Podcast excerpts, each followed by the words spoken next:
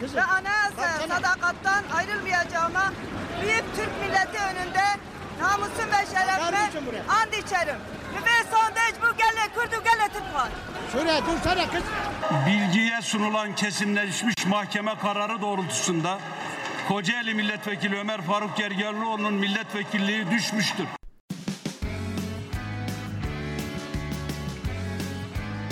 Görecek, duyacak, bileceksiniz. Kısa Dalga Medya. Merhabalar sevgili Kısa Dalga Podcast dinleyicileri. Ben Altan Sancar. HDP'ye yönelik kapatma davasını mercek altına alacağız ve e, konuklarımızla HDP'li seçmenlerle neler oluyor, neler yaşanıyor, yaşananlar ne anlama geliyor bunları konuşacağız. Bugünkü konuklarımız gazeteci Kemal Can, Sosyopolitik Sağ Araştırmaları Merkezi'nden Yüksel Genç, 1994'te DEP milletvekiliyken gözaltına alınan, tutuklanan ve partisi kapatılan Kürt siyasetçi Sırrı Sakık ve HDP'li seçmenler olacak. Malum HDP'ye yönelik kapatma davası tam da HDP'li Ömer Faruk Gergerlioğlu'nun milletvekilliğinin düşürüldüğü gün açılmıştı ve akıllara 1994'te DEP'e yönelik kapatma davası ve DEP'lerin tutuklanması gelmişti. Şimdi tam da o DEP milletvekillerinden biriyle Sırrı Sakık'la 1994'ten bugüne yaşananları konuşacağız. Sırrı Bey, siz 1994'te de benzeri bir süreci yaşadınız, gözaltına alındınız, tutuklandınız, yargılandınız, partiniz kapatıldı. 1994'ten bugüne kadar gelen süreci siz nasıl değerlendiriyorsunuz? 94'ten bugüne kadar değişim dönüşüm yani ülkeyi yönetenlerde bir toplu iğne ucu kadar değişim dönüşümün olmayışı ne kadar üzücüdür. Devasa sorunlarımız yerli yerinde duruyor. Sürekli ezberlerde tekrarlıyorlar.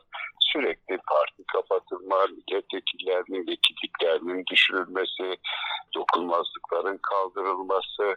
E, bu çözüm olmuş olsaydı bugün biz hiçbirimiz siyaset hayatında olmayacak. Yüzde üçlerde, dörtlerde olan, hepten başlayan bugün HDP'ye gelen süreçte Türkiye'nin üçüncü büyük partisi olmazdı. Ve çok iddia ediyorum bugün anket yapılsın son üç gün içerisinde e, HDP'nin yüzde üç dört civarında oylarında artış olmuştur. Ellerinde hiçbir koz, hiçbir hikaye kalmayınca işte HDP üzerinden, Kürtler üzerinden siyaset dizayn edilmek isteniyor. Peki bugün e, HDP'yi kapatıp HDP parlamentoda olmasa MHP, AKP neyi tartışacak, konuşacak?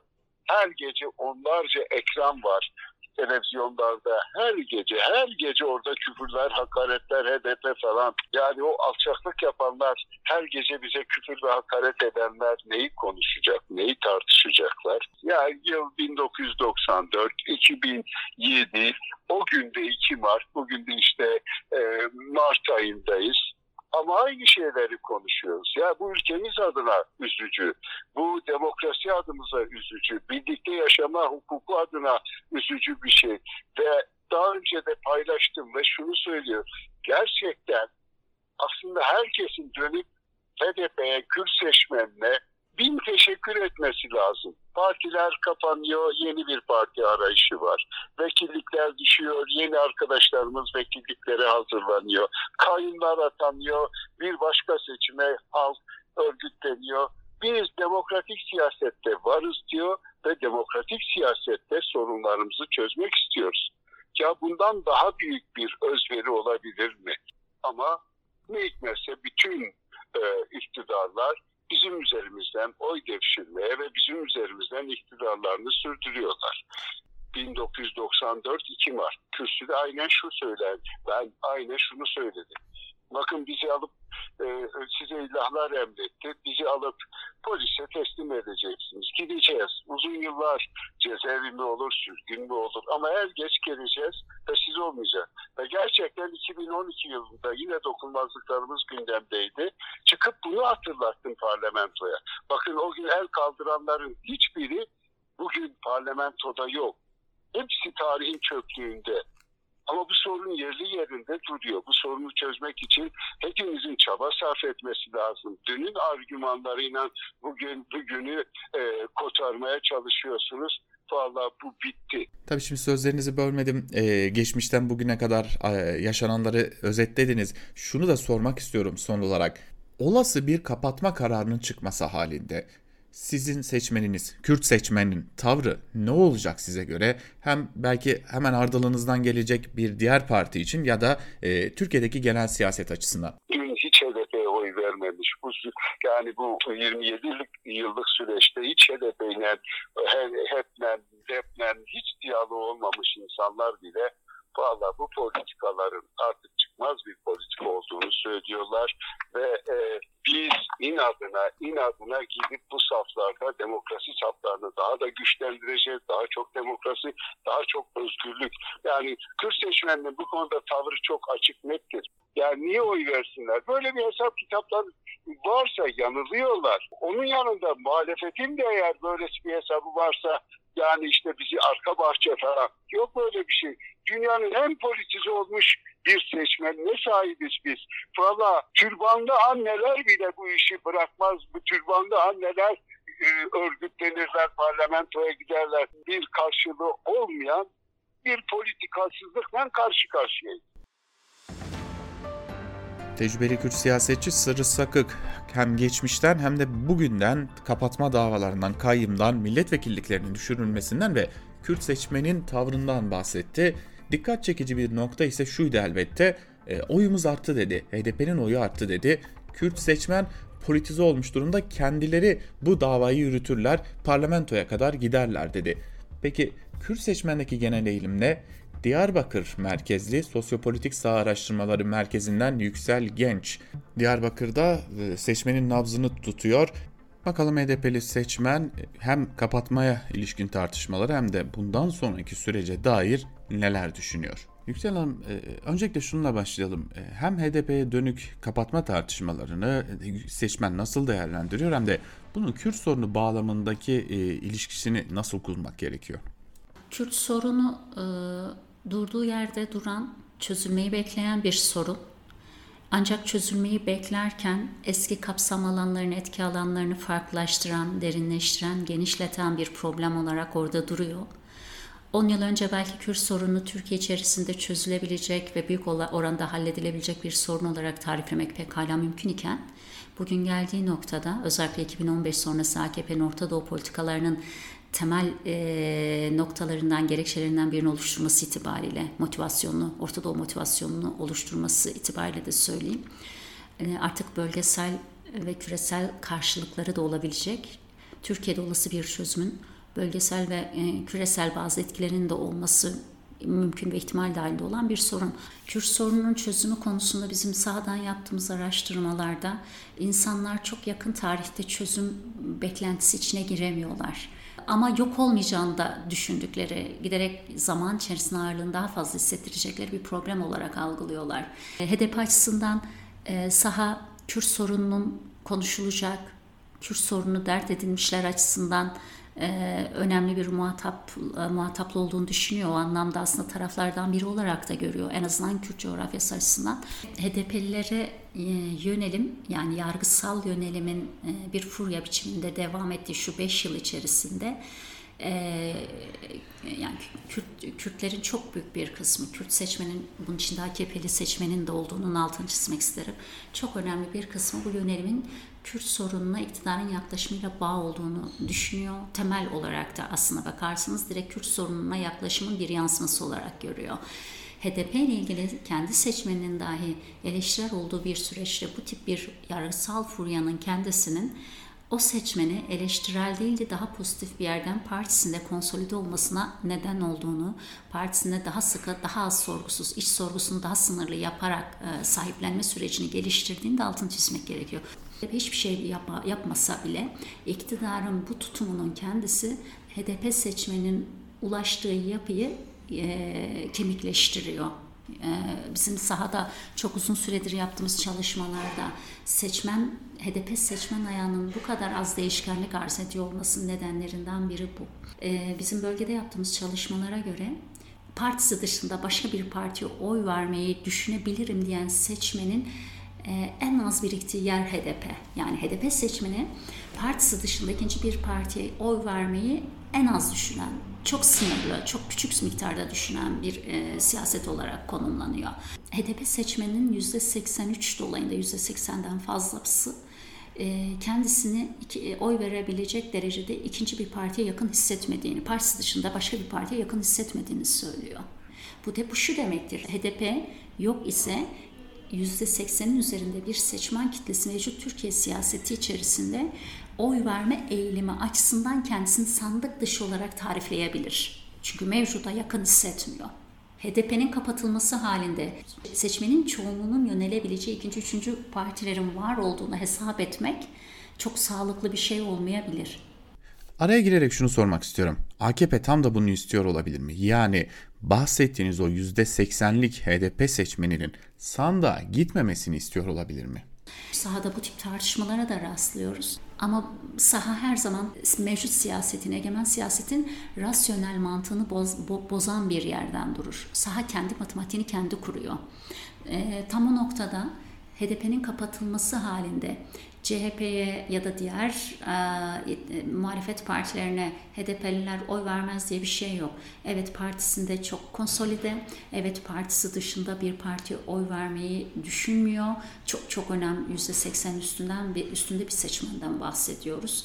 Evet bu seçmenlerin çok önemli bir kısmı kendisini mevcut siyasal partilere çok yakın hissetmiyor. Çok önemli bir kısmı hissetmiyor ama bu siyasete şekil verme, siyasal süreçlerin sonuçlarını belirleme gücünün bertaraf edici anlamına gelmiyor. En nihayetinde İstanbul seçimleri ve belediye seçimlerinde sergilenen tavır sadece HDP'nin ortaya koyduğu stratejinin bir sonucu değildi. HDP seçmeninin de ilgili iktidara partiler ne yaparsa yapsın sürece irade olarak da dahil olabilecek kapasiteye ve matematiği değiştirebilecek kapasiteye sahip ol- olacak kadar politik olduğunu gösteriyor. Bağımsız, objektif, kaliteli haber. Kısa Dalga Medya. Sosyopolitik Sağ Araştırmaları Merkezi'nden Yüksel Genç teşekkür ederiz. Tabi aktardıkları önemli. Yüksel Genç diyor ki HDP seçmeni kemikleşmiş bir kitleye sahip ve partisi dışında herhangi bir partiye oy verme eğilimine en az sahip seçmenlerden biri.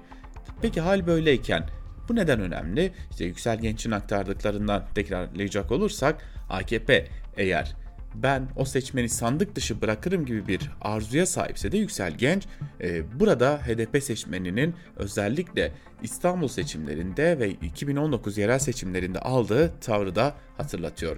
Peki Tüm bunlar biliniyor, tüm bunları konuşuyoruz. Ama HDP'nin kapatılması sürecine nasıl geldik ve bundan sonrası nasıl işleyecek? Biraz bunları da ayrıntılandırarak konuşmamız gerekecek. Kemal Can'la, gazeteci Kemal Can'la konuşalım. Hem HDP'nin kapatılması sürecine nasıl gelindi, burada neler etkili oldu ve bundan sonra Ankara'da siyaseti neler bekliyor sorularına bir de Kemalcan'dan cevaplar arayalım. Sevgili Kemalcan öncelikle şunu sormak istiyorum. 2013'lerde, 2014'lerde belki de kısmen HDP çözüm süreci adı verilen o sürecin bir tarafıydı ya da aracısıydı. Ama bugün geldiğimiz noktada kapatma davasıyla karşı karşıya. Biz buraya nasıl geldik? HDP'nin kapatılma davası aşamasına gelinmesi aslında işte 6-7 yıllık e, bir sürecin ürünü ve o sürecin parçası.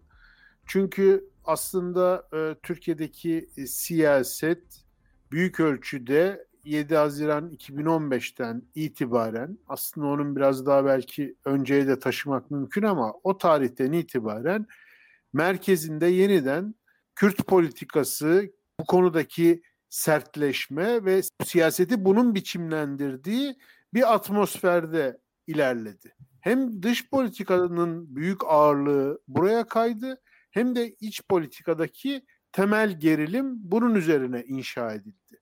Hatta sadece bu gerilimde e, HDP ya da Kürt siyasi hareketi değil, diğer bütün muhalefet aktörleri de bu mesele bağlamında e, pozisyonlanmaya zorlandı. Yani temel tartışmayı buraya doğru sıkıştırmayı istedi iktidar. Çünkü iktidar kendi savunma stratejisini beka davası üzerine kuruyordu. Bu büyük ölçüde işte Bahçeli'nin ve MHP'nin e, formüle ettiği biçimde gerçekleşti. Güvenlikçi politikaların öne çıktığı bir beka davasını iktidarın savunma stratejisi olarak uygulamaya koydu siyasette. Kaçınılmaz olarak da burada HDP kritik bir öneme sahipti. Hem diğer aktörleri e, etkilemek ve sıkıştırmak için hem HDP'nin siyasi rolünü daraltmak için sistemli bir süreç yürütüldü. HDP'nin alanını daraltmak ya da HDP'nin siyasi denklemdeki ağırlığını değiştirmek konusunda sonuç alamadı. Hem oy oranını azaltmak anlamında sonuç alamadı, hem muhalefet bloğunda şöyle ya da böyle etkisinin olmasını değiştiremedi. 2019 seçiminde bunu çok net gördük. Bunun üzerine kuşatma, bu sıkıştırma arttırılarak devam ettirildi. Bugün kapatma davası aşamasına getiren şey bu siyasetten vazgeçilmeden sonuç alma ısrarında devam edilmesi. Tabii henüz iddianame kabul edilmedi HDP'ye dair kapatma davasına dair ama e, kabul edilmiş gibi konuşuluyor, kabul edilmiş gibi e, tartışılıyor. O yüzden ben de bunu buradan sorarak e, devam etmek istiyorum. Olası bir kapatma sonucunda Türkiye'deki siyaset nasıl etkilenecek? Kapatılma sürecinin etkileri veya sonuçları bu kapatılma sürecinin aslında kapatma olsa da olmasa da ne tür sonuçlar üreteceğini belirleyecek. Dolayısıyla aslında bu süreç için nasıl işletildiğine bağlı olarak çeşitli e, sonuçlar e, ortaya çıkabilir. Basit aritmetik olarak reel siyasetteki e, sonuçları itibarıyla HDP seçmeninin daha önceki performansıyla baktığımızda vazgeçmeye, siyasetten uzaklaşmaya yakın durmayan çok kararlı bir seçmen olduğunu ve e, çok da bu anlamda örgütlü ve deneyimli olduğunu biliyoruz. Bu siyasi hareketin de daha önce kapanan partileri dolayısıyla bu tür baskılara cevap üretmede e, becerisini biliyoruz. Bunun nasıl sonuçlar vereceği tabii ki sürecin nasıl işleteceğiyle ve seçime ne kadar yakın bir e, zamanda e, onun hareket alanını yani e, HDP'nin hareket alanını nasıl etkileyeceğine bağlı. Şimdi bir takım muhalefet tarafında işte HDP kapatılsa bile o seçmen bloğunun e, yine muhalefet tarafında kalacağı ya da başka muhalefet partileri yeni oluşan bir parti ya da başka muhalefet partilerine dağılarak yine muhalefet cephesinde olabileceği konusunda hesaplar var. Ama iktidarın yaptığı hesaplar içerisinde HDP seçmeninin bir kısmının en azından motivasyonunu düşürebilecek sonuçlar alınabileceği. Bunlar daha böyle mühendislik hesaplar. Ama genel olarak Kürt meselesi e, konusunda tabii ki e, son derece negatif bir e, noktaya e, varılmış durumda. Yani en azından devletin Kürt meselesiyle kurduğu ilişkiler. Çünkü Bahçeli'nin söylediği gibi bu operasyonun arkasında, önünde millet, arkasında devlet var. Eğer birinci anlamıyla bunun devlet olduğunu düşünürsek, Kürt meselesiyle ilgili devlet politikasının parti kapatmalara varan bir e, sertliğe evrildiğini düşünebiliriz. Bu da Türkiye için gerilimin yükselmesi, devam etmesi, belki de kalıcılaşması anlamına gelir. Bu işin e, bir tarafı. İkincisi bu durumu değiştirebilecek, iktidarı e, alabilecek muhalefetin basit teknik hesaplarla ve reel siyasi aritmetikle mi yoksa daha e, ilkesel bir e, düzeyden mi siyasete yaklaşacağı da onların alabileceği sonucu belirleyecek. Dolayısıyla aslında bir anlamda herkesi e, teste sokan kısa, orta ve uzun vadeli sonuçları da e, farklı olacak e, bir e, sürece giriyoruz. Ama bu meselenin HDP ile sınırlı kalmayan başka muhalefet unsurlarını da içine alan bir e, sertleşme döneminin başlangıcı da olabileceğini akıldan çıkartmamak lazım. Gazeteci Kemal Can da HDP'nin kapatılmasına ilişkin sürece nasıl geldiğimizi özetledi ve bir diğer yandan da olası sonuçlarını değerlendirdik. Peki HDP'li seçmen ne düşünüyor? Diyarbakır'dan, Ankara'dan, İstanbul'dan HDP seçmenlerine şu soruyu sorduk. HDP'nin kapatılmasına ilişkin süreci siz nasıl değerlendiriyorsunuz? HDP'li seçmenlerden Serhat Temel kapatma davasına dikkat çeken bir bakış açısı getiriyor. Yani HDP'nin kapatılması nefes alabilmesi için daha iyi bir çıkış yapabilmesi için bir fırsat olabilir. Yani çünkü e, için açıkçası elbette ki HDP'nin üzerindeki baskıları, e, HDP'nin gerçekten çok ciddi ve çok yoğun bir baskı altında olduğu gerçeğini göz ardı etmeden HDP'nin şu anda siyaset üretememe noktasına geldiğini görüyoruz. Bunu e, muhtemelen HDP'nin kendi yöneticileri de e, bunun farkındadırlar. Bir çıkmazda ve bir siyaset üretememe halindedirler. E, belki kapatılması ve yeniden yapılanarak yeni bir siyasi e, partinin kurulması hem HDP için hem Kürtler için e, bir avantaj olabilir. Yani daha yeni bir siyasi atılım için çok da iyi bir avantaj olabilir. Hani devlet yine e, yapacağı sakat bir hamleyle HDP ve sonrasındaki yapının daha güçlü bir şekilde çıkmasına ön ayak olabilir. Bu tabii ki şey, kişisel bir fikir. Ama genel olarak baktığımızda HDP kapatılabilir mi? Kapatılabilir. Bu HDP'den bir şey kaybettirir mi? Kaybettirmez. Türkiye demokrasisi için ne anlam ifade eder? Türkiye'de demokrasi olmadığı için onun için de bir şey ifade etmeyecektir. Çünkü e, demokrasinin yaralanması, zedelenmesi gibi bir şeyden söz edebilmemiz için en temelde demokrasiden söz etmemiz gerekiyor. Öyle bir durumda yok. E, fezlekeler meselesine geldiğinde bence bunu HDP'den, AKP ve Cumhur İttifakı'ndan öteye CHP'nin e, bunu düşünmesi gerekiyor. Bu yük CHP'nin. Bundan 50 sene sonra da herhangi bir e, meclise, herhangi bir vekille ilgili herhangi bir siyasi yapının önünün tıkanması için bir fezleke gelirse 50 sene sonra da insanların dönüp bakacağı tek yer CHP olacaktır. O yüzden bu fezlekeler CHP'nin sırtına yük olacaktır. Bu bence CHP'nin sınavıdır. HDP'nin ya da AKP'nin sınavı değil. Bu bizatihi CHP, e, CHP'nin kendi sınavıdır. CHP bu sınavı nasıl vereceğine kendisi karar verecek. Ha bu süreç HDP açısından ne kadar negatif, ne kadar pozitif bir sonuç ortaya çıkarır. Kısa vadede negatif olarak görünse bile orta vadede HDP'nin önünü açacak, HDP'yi çok daha güçlü bir şekilde siyaset sahnesine çıkaracak bir hamle olarak görüyorum. HDP'li seçmen Mehmet Ayhan ise çiçekleri koparsanız da baharın gelişini engelleyemezsiniz diyor. HDP'nin kapatılması konusu siyasal iktidar ekonomik anlamda sağlık alanında olsun, eğitim alanında olsun hiçbir çözüm üretemeyince siyasi ortamı da germek ve Kürt düşmanlığını daha fazla pekiştirmek için HDP'nin kapatılmasını istiyor. Bunun çok büyük bir çözümsüzlük olduğunu kendisi de biliyor. Bunun bir çıkış yolu olmadığını kendisi de biliyor ki geçmişte yapılanlar bunun en iyi örneklerinden biridir. Ama bunu unutmasınlar 6 milyon seçmenin oy verdiği bir partiyi hiçbir şekilde siyasetin dışına atamayacaklar. Ve bunu unutmasınlar. Çiçek koparmakla baharın gelmesini engelleyemezsiniz.